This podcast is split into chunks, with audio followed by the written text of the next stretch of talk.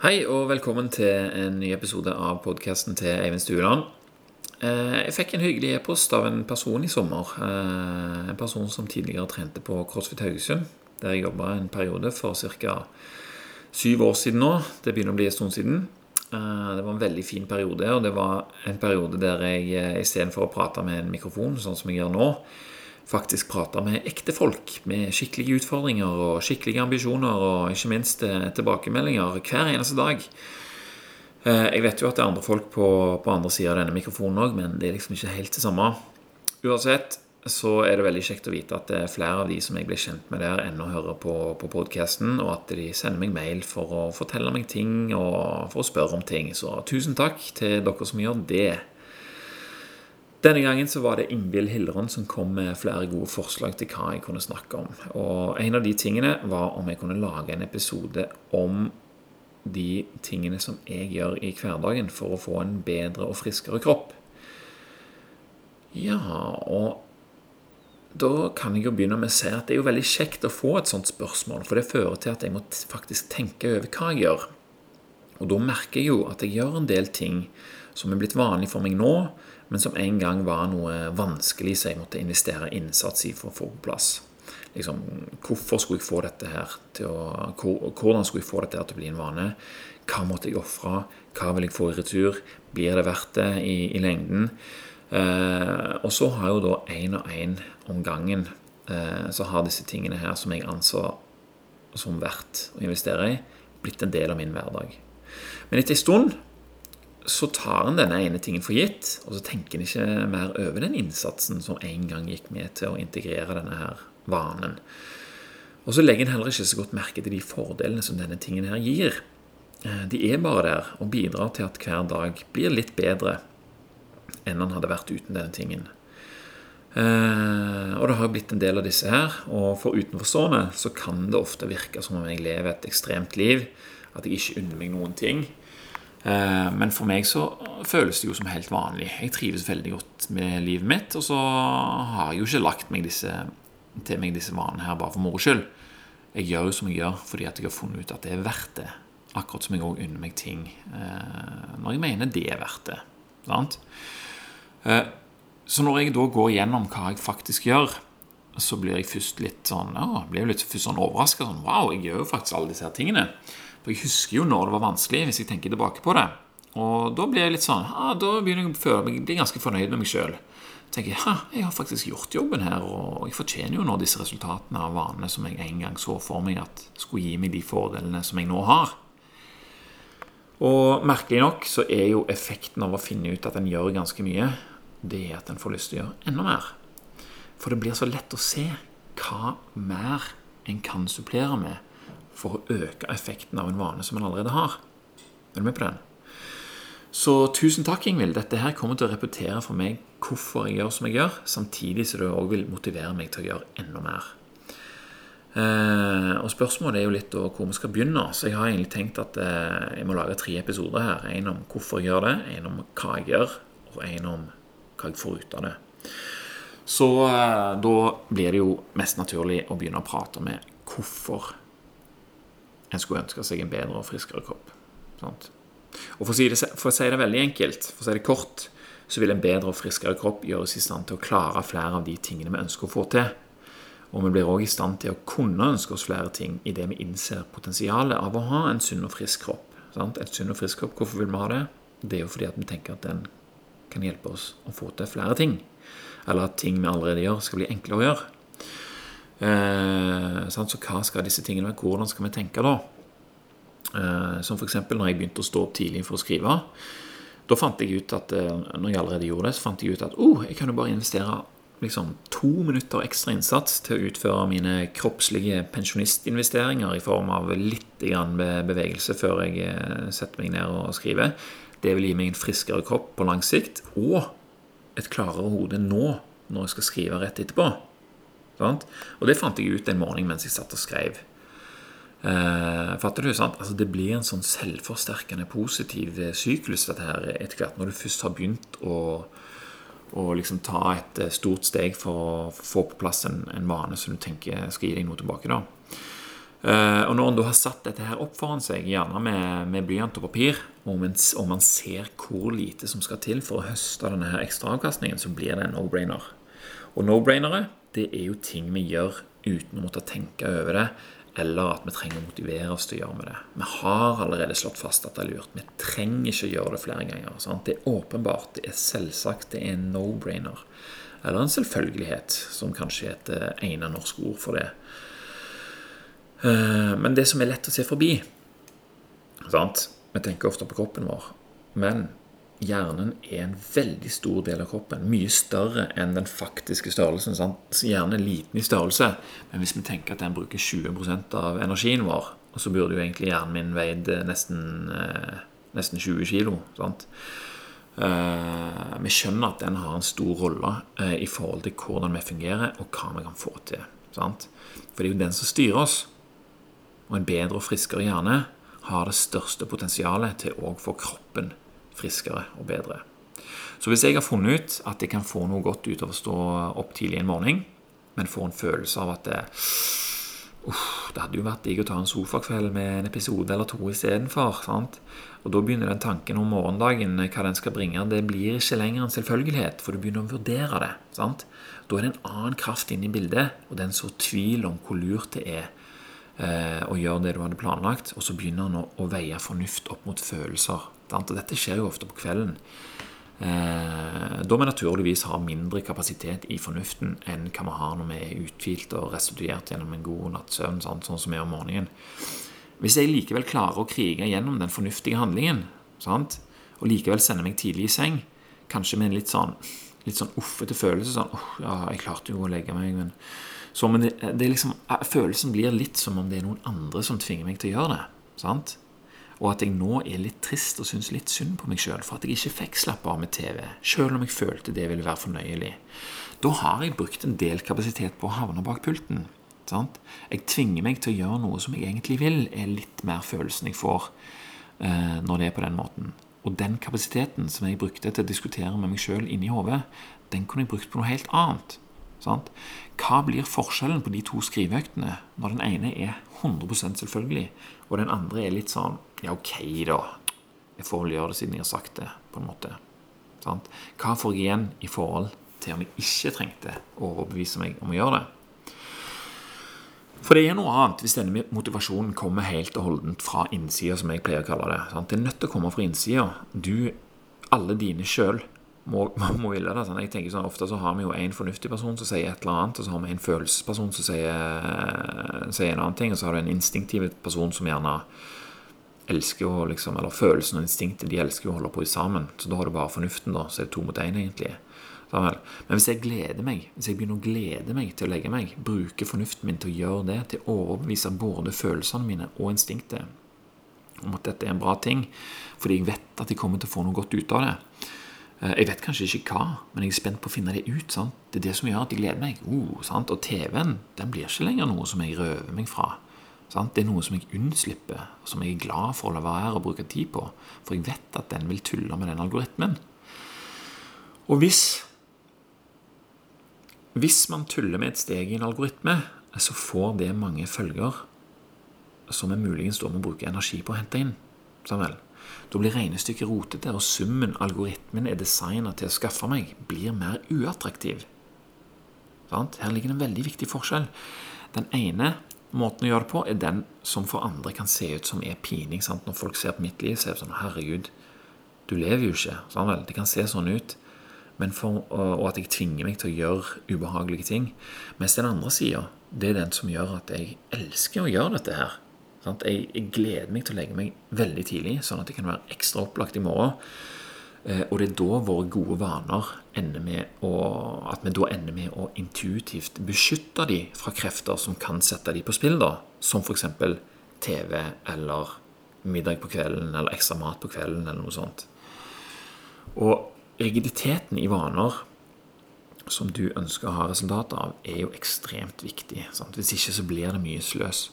Og det er her denne her algoritmen jeg nevnte i stad, kommer inn i bildet. Når jeg stiller dette her opp på en måte som gir en veldig overbevisende sluttsum, som er så tydelig at avgjørelsen blir en selvfølgelighet, så er sjanse, sjansen for denne her ubesluttsomheten sterkt redusert. Det skal mye mer til for at jeg begynner å dille og dulle med meg sjøl og synes synd på meg sjøl og liksom ikke vil gjøre det, kanskje, og liksom, ah, må overbevise meg igjen og sånn.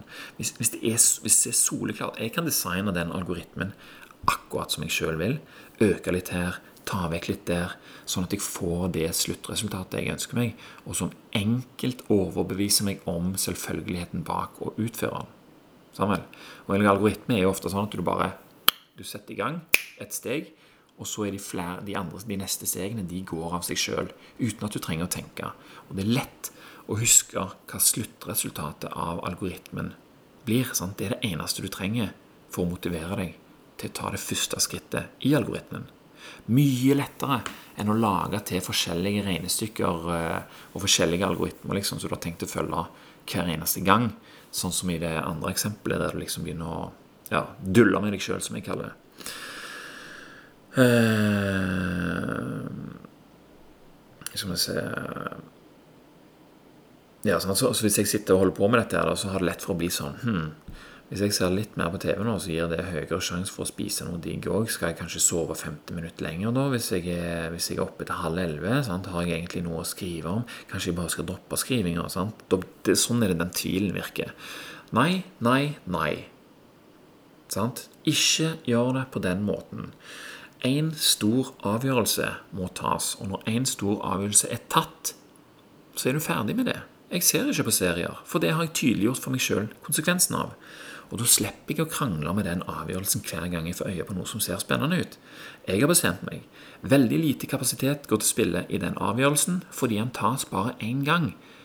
Neste gang så er det bare å følge den samme avgjørelsen, den samme algoritmen. Og så har jeg jo lagt inn elementer som kan forsterke den sluttsummen. Så jeg sånn, ja, men det er jo spennende med en serie, liksom. Ok.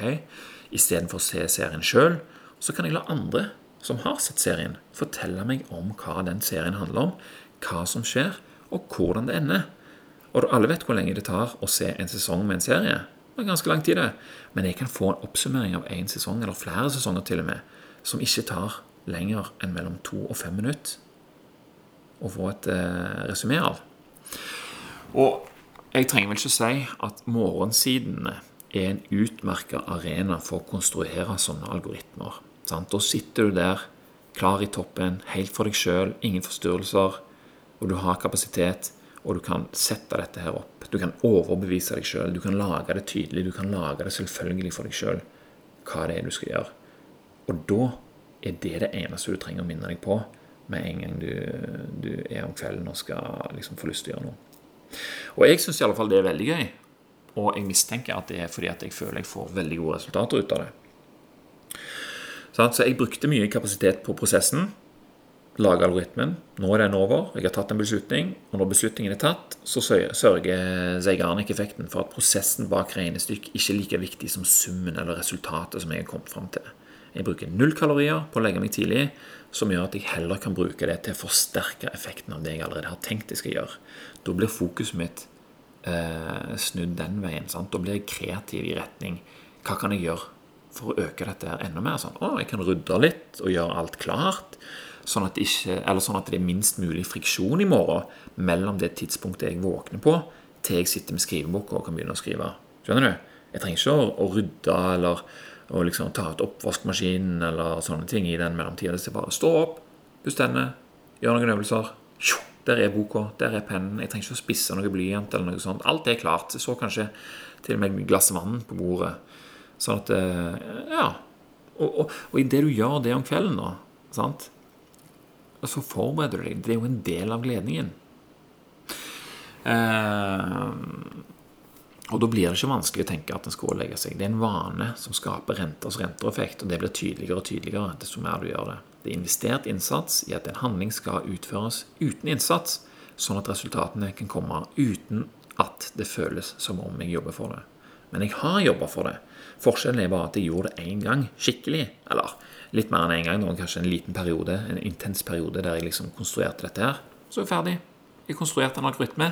Desto mer jeg følger den, jo mer selvsagt blir det å fortsette, og jo flere forslag kommer dalende om hvordan jeg kan utbedre den og høste et enda bedre sluttresultat.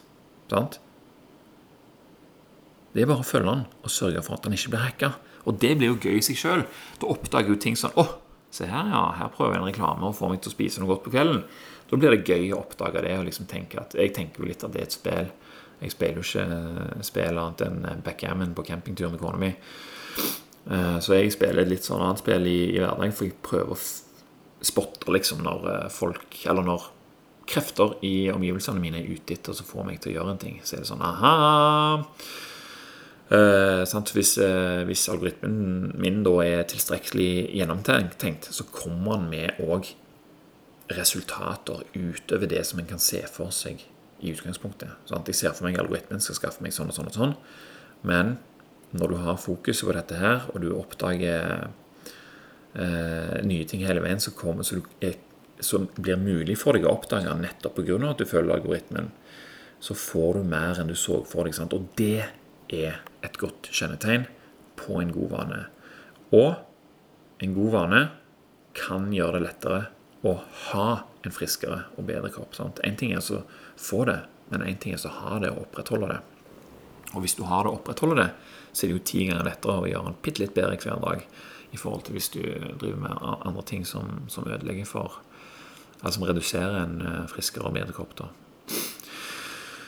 Eh, og så kom litt sånn Ok, hvorfor, hvorfor skal en gjøre det, da?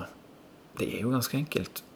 For meg så er det viktig for meg at f.eks. at eh, ungene mine ser og skjønner hva jeg gjør, og hva som skjer i disse prosessene. Sånn, så det forteller jeg gjerne om når vi spiser frokost og sånn. Uh, og jeg er veldig glad i når vi sitter der og om morgenen alle har kapasitet til å forstå og sette seg inn i ting uh, og sånt. Og, og, vi kan fortelle om ting vi tenker på og ting vi har lyst til å få til. Sånn. Og da vet jeg at de er med på tankeprosessen på ting som jeg gjør. Jeg kommer ikke bare en dag og sier sånn Ja, nå har vi kjøpt uh, utleiehus.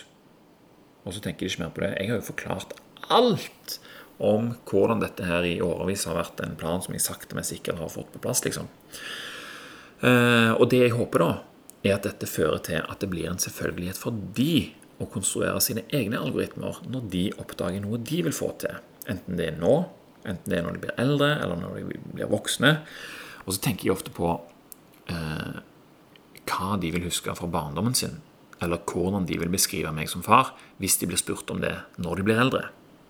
Ah, det er en av de store drivkreftene bak hvorfor jeg gjør som jeg gjør. Sant? Jeg vil være et godt eksempel for dem og det er veldig motiverende. For meg så var det ikke så vanlig at far min gjorde de tingene som jeg gjør nå. Men han gjorde andre ting som jeg har sett og forstått at det er mulig. F.eks. arbeidsmoralen hans. Det tok litt tid. Jeg var ganske lat og udugelig en god stund før jeg ville ha noe sterkt nok, og jeg innså at det var opp til meg, kun opp til meg, og det var da jeg begynte å kopiere hans holdning og oppførsel. Sant? For da visste jeg hvordan jeg kunne gjøre ting. Jeg hadde jo sett far min gjøre det. No-brainer. Ungene mine vet at det går an å gjøre vanskelige ting som tar lang tid, og at det kan gi oss noe som vi ønsker oss. Så for de så er det det som blir vanlig. Og så er det deres oppgave å utvikle det videre da, til neste seg når de blir eh, eldre. Det er sånn jeg ser for meg. Det er kult, og det motiverer meg. Samtidig så har jeg noen ganske klare, klare tanker om hva jeg sjøl vil få til. Sant? Og En viktig forutsetning for at eh, ambisjoner skal bli ekte, det er at vi er i stand til å holde hodet i en tilstand der det er enkelt å gjøre ting som bygger opp mot den ambisjonen, til tross for at det kanskje varer over flere år. Eh, og For meg så har jeg funnet ut det er viktig å sortere tanker og veie ting opp mot hverandre konstant. Eh, og jeg liker best å gjøre det ved å skrive. Eh, både morgensider og lage podkast-episoder og, snakke, snakke, inn på en båndopptaker og fortelle, om folk, fortelle folk om hva jeg holder på med og tenker på. Det hjelper meg å sortere og det hjelper meg å motivere meg å holde dette her eh, ved. Da har jeg mye bedre forutsetninger for å holde dette her momentet i gang på unormalt langstrakte prosjekter. Da. For utvilsomt var det vanskelig å begynne å stå opp klokka fem for å skrive i utgangspunktet. Og, men nå er det mye lettere. Men jeg kan gjøre det vanskeligere. F.eks. hvis jeg har drukket alkohol eller lagt meg for seint dagen før. Uh, så blir det vanskeligere. Jeg kan fremdeles klare det. Men det er jo ikke det det handler om. Det er, ikke, jo ikke det at jeg skal stå opp og, og, og, skrive. Det er jo hva jeg skal få ut av det. Jeg får ikke det samme ut av å stå opp og skrive uansett hva jeg har gjort dagen før. Så en må tenke lenger enn som så. Og det er der disse algoritmene er ganske praktiske. For du kan plusse på de i begge ender. Så en må tenke ut hva som skal bidra til at det å stå opp og skrive skal være verdt det. Det nytter ikke bare å skrive vas. Da kunne jeg like godt brukt den tida på å sove, siden det er det som er behovet mitt eh, klokka fem om morgenen hvis jeg har lagt meg for seint. Så hva trenger jeg for å kunne tenke skikkelig? Det mener jeg er det viktigste spørsmålet vi må stille oss sjøl for å opprettholde eller å oppnå en friskere og bedre kropp, som er akkurat det Ingvild spør om. Og som jeg sa, hjernen er det organet som eh, mest sannsynlig øker sitt potensial mest når kroppen fungerer sånn som den skal, eller sånn som vi vil. For det er nemlig sånn at fornuften vår det er en eh, overskudds, eh, overskuddsgreie. Vi kan kun bruke fornuften opp til det potensialet vi klarer å skape foran. Sant? Er vi trøtte, får vi lavere kapasitet. Stort sett så er det òg det vi da fortjener hvis vi er i den tilstanden. Og det samme vi av alkohol, feil mat, feil tanker, feil anvendelse av oppmerksomhet og alle andre distraksjoner som finnes rundt oss. Det er, det er vår oppgave å ta oss av dette her hvis vi ønsker resultater. Dårlige, dårlige investeringer gir lav kapasitet.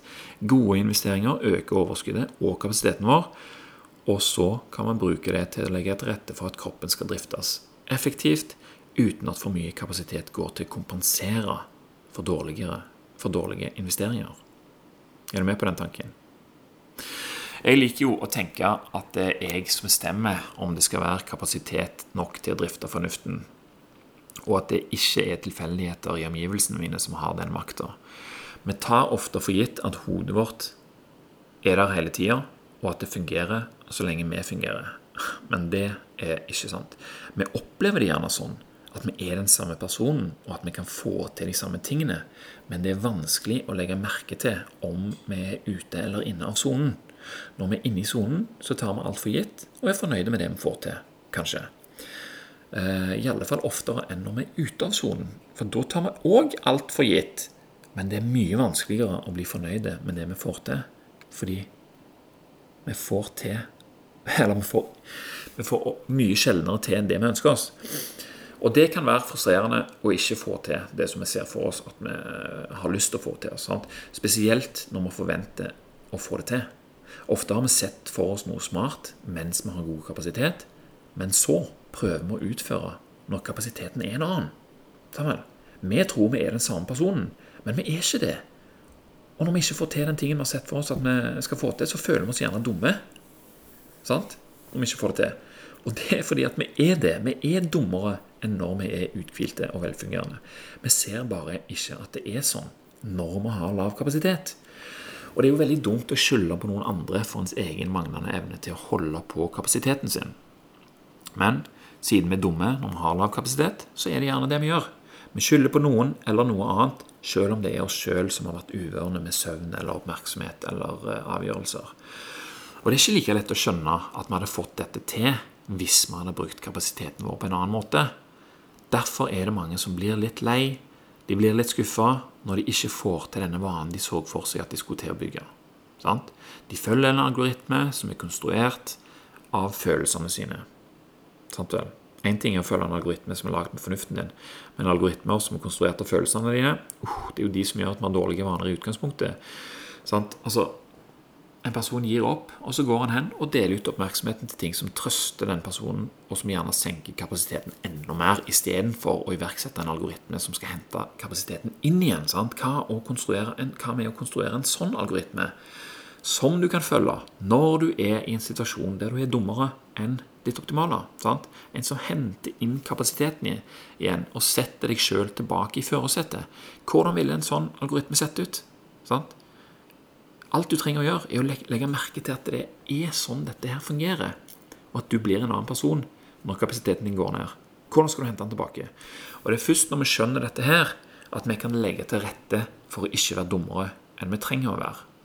Vi ser hvor mye kapasitet som går til å hente oss inn, så begynner vi å fjerne årsaken til at kapasiteten går ned. Og hva er det da? Hva er det som eh, sørger for at kapasiteten går ned? Hva er det for din del? Er det TV? Er det mat? Er det alkohol? Er det spill? Snop? Snacks? Er det FOMO? Her kan du bare fylle inn med de tingene som du liker å gjøre, som ikke gir deg noe i lengden. Sant så? Vi kan koke det ned såpass hvis vi vil. Overraskende mange av disse her tingene handler om å kunne oppnå en god følelse uten at det kreves noe for at du skal få det. Sant? Det krever ingenting å sette seg ned i sofaen og skru på TV-en og bli underholdt. Vi liker det, alle sammen. altså Den menneskelige hjernen liker dette. her, Vi syns vi får noe billig, men liker vi det bedre enn å være uthvilt og klar for å finne ut av egne ting i vårt eget hode? Sant? Det er det vi må finne ut av. Og da må vi legge inn en innsats som gjør oss i stand til å stå imot vekten av alt det som ønsker at vi skal glise inn i en skjerm og legge det kroppen vår tror er kilder til sjeldne kalorier i handlekorgen. Sant? Det er da vi kan finne ut at vi liker noe annet bedre. Det er da vi kan begynne å bygge en bedre og friskere kropp. Det begynner i hodet. Hodet tvinger kroppen til å jobbe for seg, som igjen begynner å jobbe for hodet. Og da er vi i gang. Da er hierarkiet stabla riktig. Og er vi smarte, så er det vanskeligere å gjøre dumme valg. Men hvis vi er dumme, så er det vanskelig å gjøre smarte valg. Fornuften er det eneste vi kan bruke til å veie valgene våre skikkelig mot de resultatene vi vil ha. Er det god eller dårlig kapasitet i fornuften? Fornuften trives best når han har fått hvilt, når han har effektivt brensel, når han ikke trenger å dele kapasiteten sin med et fordøyelsessystem som ikke vet hva han skal gjøre med det som er i magen, og han kan fokusere på noe over tid istedenfor å distraheres av alle signalene som er i omgivelsene. Hvor godt kroppen fungerer, og hvor frisk han er, bestemmer hvor lett dette føles. Så da blir jo spørsmålet hva gjør jeg for at det skal føles lett? Det var vel egentlig det som var spørsmålet her til, til Ingvild. Og hvis jeg ønsker meg god energi og lyst til å være med familien min og lære ungene mine det jeg mener er viktig, og fortsette å lese, skrive og lage podkastepisoder, så er det en fordel om jeg gjør de tingene som jeg skal snakke om i neste episode. Så det var det for denne gang. Takk for nå. Takk for meg. Tusen takk til deg som hørte på. Men det er mer å fortelle om, og hvis du ønsker å bidra til flere gratis episoder til alle som vil høre på, så kan du vippse et valgfritt beløp til telefonnummer 40 55 07 37. 40 55 07 37. Om det er 5 kroner, 10 kroner, 100 eller 1000, fast eller bare én gang, det er helt opp til deg. Tusen takk. Du gjør det mulig å ta podkasten til neste nivå. Vi snakkes neste gang.